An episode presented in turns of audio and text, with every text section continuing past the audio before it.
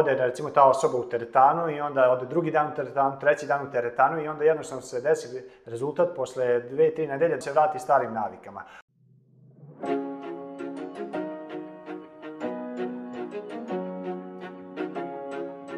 Dobrodošli u današnji videoklip. Danas želim da pričamo o jednoj velikoj greški koju većina ljudi pravi kada postavlja ciljeve, jeste da ne razume razliku između ciljeva vezane za rezultate i ciljeva vezani za aktivnosti i dosta ljudi, generalno veliki broj danas ljudi uopšte ne zna šta su ciljevi, misle da nisu važni ili niko ih nije naučio kako da ih postavlja i to je ok, ali ima jedan deo koji malo knjiga o tome govori, a to je da jednostavno morate razgraničiti te dve, dva cilja. Na primer, ako želim da smršam e, ili ako vi želite da smršate, a cilj za rezultat jeste recimo da skinem 20 kg. Recimo ako imam 100 kg, hoću da e, imam 80 kg, recimo cilj je da imam 80 kg. I većina ljudi postavlja te ciljeve za rezultat i onda krenu jako motivisani da, a, da prvi dan, prvu nedelju nešto radi, recimo ode recimo ta osoba u teretanu i onda ode drugi dan u teretanu, treći dan u teretanu i onda jednostavno se desi rezultat posle dve, tri nedelje da pregori i onda se vrati starim navikama. A problem u tome što ne, nije postavio i cilj vezan za aktivnosti. A šta to znači? A postoje određene aktivnosti u, u u biznis praksi to se zove KPI, znači Key Performance Indicators, ključi pokazatelji eh, performansi koji eh, predviđaju da li, ćete, da li se vi krećete ka vašem cilju ili ne. Naprimjer, da uzmem taj primer ponovo za mršavljenje, A taj KPI ili e, cilj za aktivnosti bi možda bi, bio da se danas napravi recimo 1000 ili 2000 koraka. Na primjer, to je jednostavan cilj. Ili, na primjer, da se u drugi KPI ili taj cilj aktivnosti bio bi da se unose 2 ili 2500 kalorije u toku dana.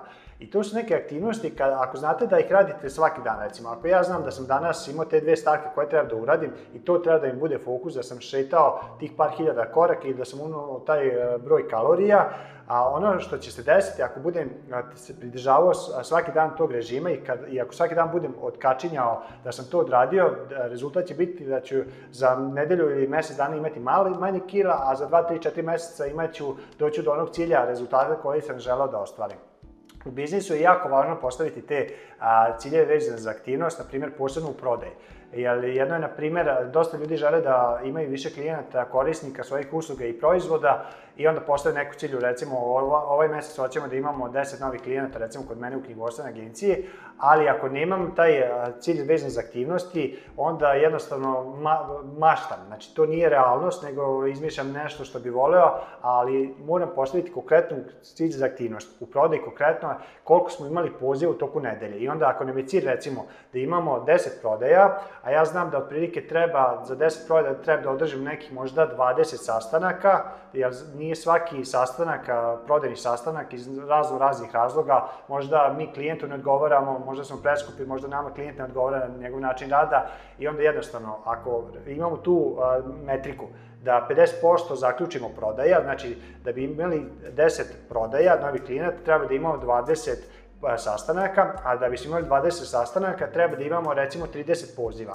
na telefon. I to je, na primjer, ključna stvar na koju možemo uticati. Znači, na broj poziva da imamo 30 možemo uticati tako što ćemo puštati reklame, tako što ćemo puštati objave, tako što ćemo pitati za preporuke. Znači, to možemo uticati. To je ona mera, recimo, na nedeljnom nivou da, ili mesečnom nivou da imamo 30 poziva a od samim tim, ako budemo se fokusirali na pozive, onda ćemo ići unazad, imat ćemo 20 sastanaka, od tih 20 sastanaka doćemo do tog cilja rezultata 10 klijenata. Iako je važno postaviti te metrike koje možete pratiti i na osnovu toga ćete početi da uviđate neke obrazce ponašanja i trendove i jako je važno da a što pre, dok su ti signali još mali, dok je to, taj kamenčić u cipeli još mali, da onda nešto predržate povodom toga, jer onda možete e, svesno i proaktivno uticati na ostvarenje tog svog cilja, umjesto da postavite recimo cilj za tri meseca da imate to i to, ali jednostavno prolazi jedna nedelja, druga nedelja, prođe tako 12 nedelja u kvartalu i vidite da na kraju da ništa niste ostvarili. Rešenje je, ako prve nedelje ne funkcioniše, menjate nešto da biste, ili probajte nešto novo druge nedelje i tako dalje. Tako da, cilj aktivnosti morate imati koji će vas dovesti do ciljeva rezultata. Toliko za današnji video, veliki pozdrav!